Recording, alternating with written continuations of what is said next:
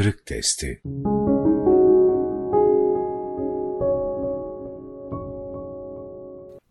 Üns billah Soru Üns billah ne demektir ve ona nasıl ulaşılır?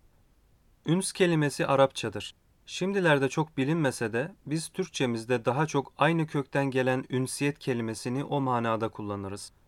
Birine ünsiyet etme, ona alışma, onu kendine yakın hissetme ve onunla arkadaşlık kurma gibi anlamlara gelir. Üns kökünden elde edilen enis kelimesi ise yakın dost manasındadır. Celis kelimesi de aynı ortamda bulunmayı, dostluğu, yoldaş olmayı ifade eden Arapça bir kelimedir. Bundan olsa gerek aralarında samimiyet oluşan, birbirlerinin yar vefadarı olan insanların halini ifade etmek için enisü celis, samimi dost tabiri kullanılır. Üns kelimesi tasavvuf literatüründe daha özel bir anlam ifade eder. İnsanın maddeten olmasa da kalben, ruhen, hissen ve belki de aklen masivadan, Allah'tan başka her şeyden uzaklaşarak, dünyevi bağlardan sıyrılarak bütün kalbiyle, varlığıyla Allah'a teveccüh etmesi, ona yaklaşması, onun sevgisiyle dopdolu olması, sadece ona güvenip dayanması, onunla huzur ve sükunete ermesi gibi anlamlara gelir. Cenab-ı Hakk'ın mahlukata benzerlikten mukaddesiyet, münezzehiyet ve mübecceliyeti mahfuz, böyle bir kişi bir manada zat-ı uluhiyetin en iyisi olurken, zat-ı uluhiyet de onun en iyisi olur. Bu yüzden sözcük daha ziyade üns billah şeklinde kullanılır. Üns billaha erenlerin Cenab-ı Hak'la farklı ve derin bir münasebeti olur. Böyle bir münasebet insanın duygu ve düşüncelerine, beyanına, tavırlarına, hal ve hareketlerine tesir eder. Onun gözünde dünyanın, dünyanın fani yüzüne bakan cihetiyle bir önemi kalmaz. Ne yuva, ne evladu iyal, ne de dünya serveti onu Allah'tan koparabilir. Bu mazhariyete eren biri çok farklı bir ufkun insanı olmuş demektir. Derecesine göre üç buğutlu mekanın ötesine geçerek bulutlar üstü alemlerde seyran edebilir. Ne var ki böyle bir makamı kazanmak kolay değildir. Bu ciddi bir cehdü gayrete bağlıdır. Öncelikle bir müminin üns billah ufkunda seyahat etme gibi bir hedefinin olması gerekir. Bu konumu elde edebilme adına o, iradesinin hakkını vermeli, sürekli kendini zorlamalı, duygu ve düşüncelerini sürekli gözden geçirmelidir. Her ne olursa olsun labaliliğe prim vermemeli ve olabildiğince bu işe kilitlenmelidir. Duygularıyla, düşünceleriyle, latife-i Rabbaniyesiyle, sırrıyla, hafisiyle, ahfasıyla Cenab-ı Hakk'a teveccüh etmeli, her daim ona yakınlaşma yolları aramalıdır. Bunları yapana kapalı kapılar açılır da kendisini bir kemu keyf Cenab-ı Hak'la beraber bulunuyor gibi hissedebilir. Allah'a inanan bütün müminler üns billaha namzet olsalar da böyle bir konumu ihraz etme sağlam bir imana, engin bir marifete, derin bir kulluğa bağlıdır. Üns billaha mazhar olmak, öncelikli olarak dünyanın gerçek mahiyetini kavramaya ve dünya sevgisini kalpten çıkarıp atmaya bağlıdır. Kur'an-ı Kerim dünyanın gerçek yüzünü farklı yönleriyle anlatır. Onun bir oyun ve oyalanmadan ibaret olduğunu, zevklerinin menfaatlerinin kısa ve gelip geçici olduğunu bildirir. İki yerde müstevda ve müstakar kelimeleri kullanılarak başka manaların yanında dünya ve ahirete de işaret edilir. Dünya insan için bir müstevdadır. Yani emaneten durduğu geçici bir yerdir. Onun gideceği ve asıl karar kılacağı yer yani müstakarrı ise ahirettir. Efendimiz sallallahu aleyhi ve sellem de kendisinin dünya ile alakasını anlatırken uzun bir yolculuğa çıkan, kısa bir süre bir ağacın altında gölgelenen, sonra yoluna devam eden kimsenin misalini verir. Kur'an ve sünnette dünyanın geçici bir yer olduğu, onu daimi bir mekan görüp ona takılıp kalmak suretiyle aldanmamamız gerektiği ısrarla beyan edilse de, çokları dünyayı daimi gibi görüyor, sımsıkı ona bağlanıyor ve bu yüzden asıl bağlanılması gereken şeyleri terk ediyor. Ahirete giden bu yolda yürüyen insanlar, buranın yalnızca bir yol ya da yolda uğranan bir uğrak yeri olduğunu unutup dünyanın bağlarına, bahçelerine, yeşilliklerine, güzelliklerine takılıp kaldıklarından gidecekleri asıl yeri unutuyorlar. Kalpler dünya sevgisiyle dolunca hakiki sevgiye yer kalmıyor. Nihayet geçici dünya meta ile ünsiyet edenler üns billaha masar olamıyor.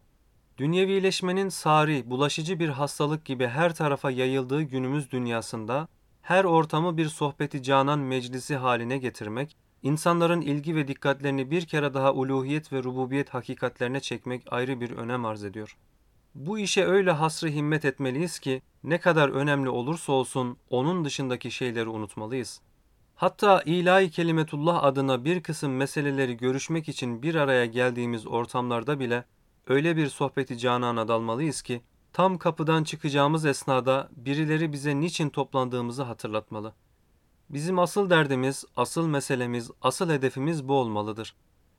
Ne kadar büyük işlerle meşgul olursak olalım, yaptığımız her şeyi Allah'a bağlamalı, dantelamızı ona göre örgülemeli, nakşin merkezine onu yerleştirmeliyiz. Ülkeler fethetme, cihana hükmetme, insanları sevki idare etme gibi şeyler bizim asıl meselelerimiz olan bu işlerin yanında çok küçük kalır. Evet, madem dünya bizim için bir müstevdadır, geçici bir yerdir, biz de tavrımızı ona göre ayarlamalıyız. Dünyanın cazibedar güzellikleri karşısında başımız dönmemeli, bakışımız bulanmamalı. Ebedi burada kalacakmış gibi dünyaya gönül vermemeliyiz. Zira dünya ve mafihadan geçmeyen üns billah hakikatine ulaşamaz.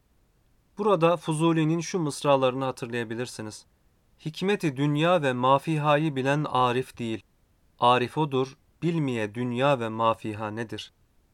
Evet, asıl mesele insanın Allah'a bağlanması, gözünü hep ona dikmesi, onun kapıyı aralayacağı anı gözetlemesidir. Böyle birinin zaten dünyaya kanaat etmesi, dünyayla tatmin olması mümkün değildir. Allah'a kulluğumuzun ifadesi olan ibadetler, üns billaha ulaşabilmenin önemli bir vesilesidir. Mesela insan namazla bu ufku yakalayabilir, Allah'a yaklaşabilir, ona tabiri caizse enisü celis olabilir. Namaz müminin miracıdır. Fakat huşu ve hududan yoksun olarak gaflet içinde eda edilen, şekle ve alışılmışlığa kurban giden, rükünleri derince duyulmayan bir namazın bunu kazandırması zordur. Allah rahmetinin enginliğiyle bu namaza da değer atfeder, onu da zayi etmez. Fakat böyle bir namazda üns billah ufkuna seyahat edilemeyeceği açıktır.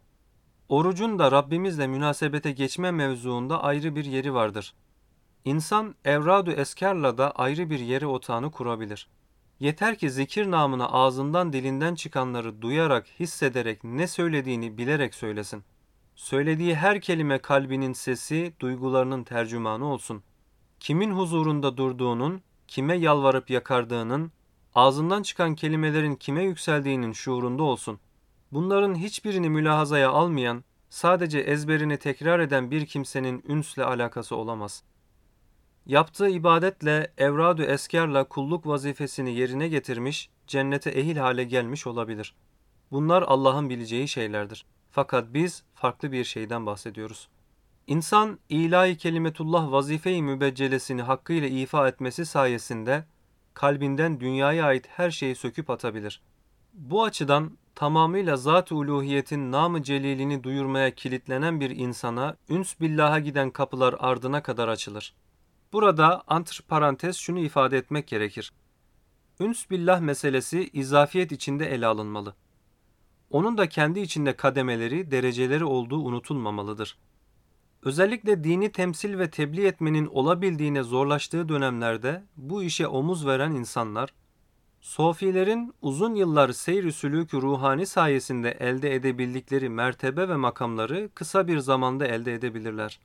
Hadisin ifadesiyle nasıl ki sınır boyunda bir saat nöbet tutan kimse bir sene ibadet yapmış gibi sevap elde ediyor, şehit niyetinin hulusuna göre belki de bir dakikalık sürede evliya ve asfiyanın önüne geçiyorsa, şartların olabildiğini ağırlaştığı dönemlerde Allah davasına sahip çıkan insanlar da amudi, dikey olarak birdenbire yükselebilir, terakki basamaklarını çok hızlı bir şekilde çıkabilirler. Üns billah gibi büyük bir mazhariyete ermek isteyen şekilciliğe savaş açmalı, ihlas ve ihsan ufkunu yakalamaya çalışmalıdır. Kur'an-ı Kerim birçok ayetinde bizlere bu ufku hedef olarak gösterir. Bir ayeti kerimede şöyle buyrulur. وما تكونوا في شأن وما تتلو منه من قرآن ولا تعملون من عمل إلا كنا عليكم شهودا إذ تفيضون فيه. Herhangi bir işte bulunsan, onun hakkında Kur'an'dan herhangi bir şey okusan, sen ve ümmetinin fertleri her ne iş yapsanız, siz o işe dalıp gittiğinizde mutlaka biz her yaptığınızı görürüz. Allah her halimize nigahban, her sözümüzü işitiyor. Bu sözlerin ne kadar tavır ve davranışlarımıza aksettiğini, bizde nasıl bir tesir meydana getirdiğini görüyor. Dilimizden dökülen zikirlerin kalbimizle ne kadar alakası olduğunu biliyor. Bu sebepledir ki bir mümin riyaya, sümaya, suri ve şekli davranışlara baş kaldırmalı, ilanı harp etmelidir. Bilmelidir ki insana nispeten cansız bir heykelin durumu neyse, hakiki ibadete nispeten ruhsuz ibadetlerin durumu da odur. Bu açıdan bir müminin Allah'a yönelttiği her söz, onun kalbinin derinliklerinden kopup gelmelidir. Öyle ki ibadet itaat esnasında adeta kalbi çatlayacak hale gelmelidir. Bununla birlikte hal bilmez, yol bilmez insanlara sır vermeme adına da kalbini baskı altına almalıdır. İşte üns billaha giden yol.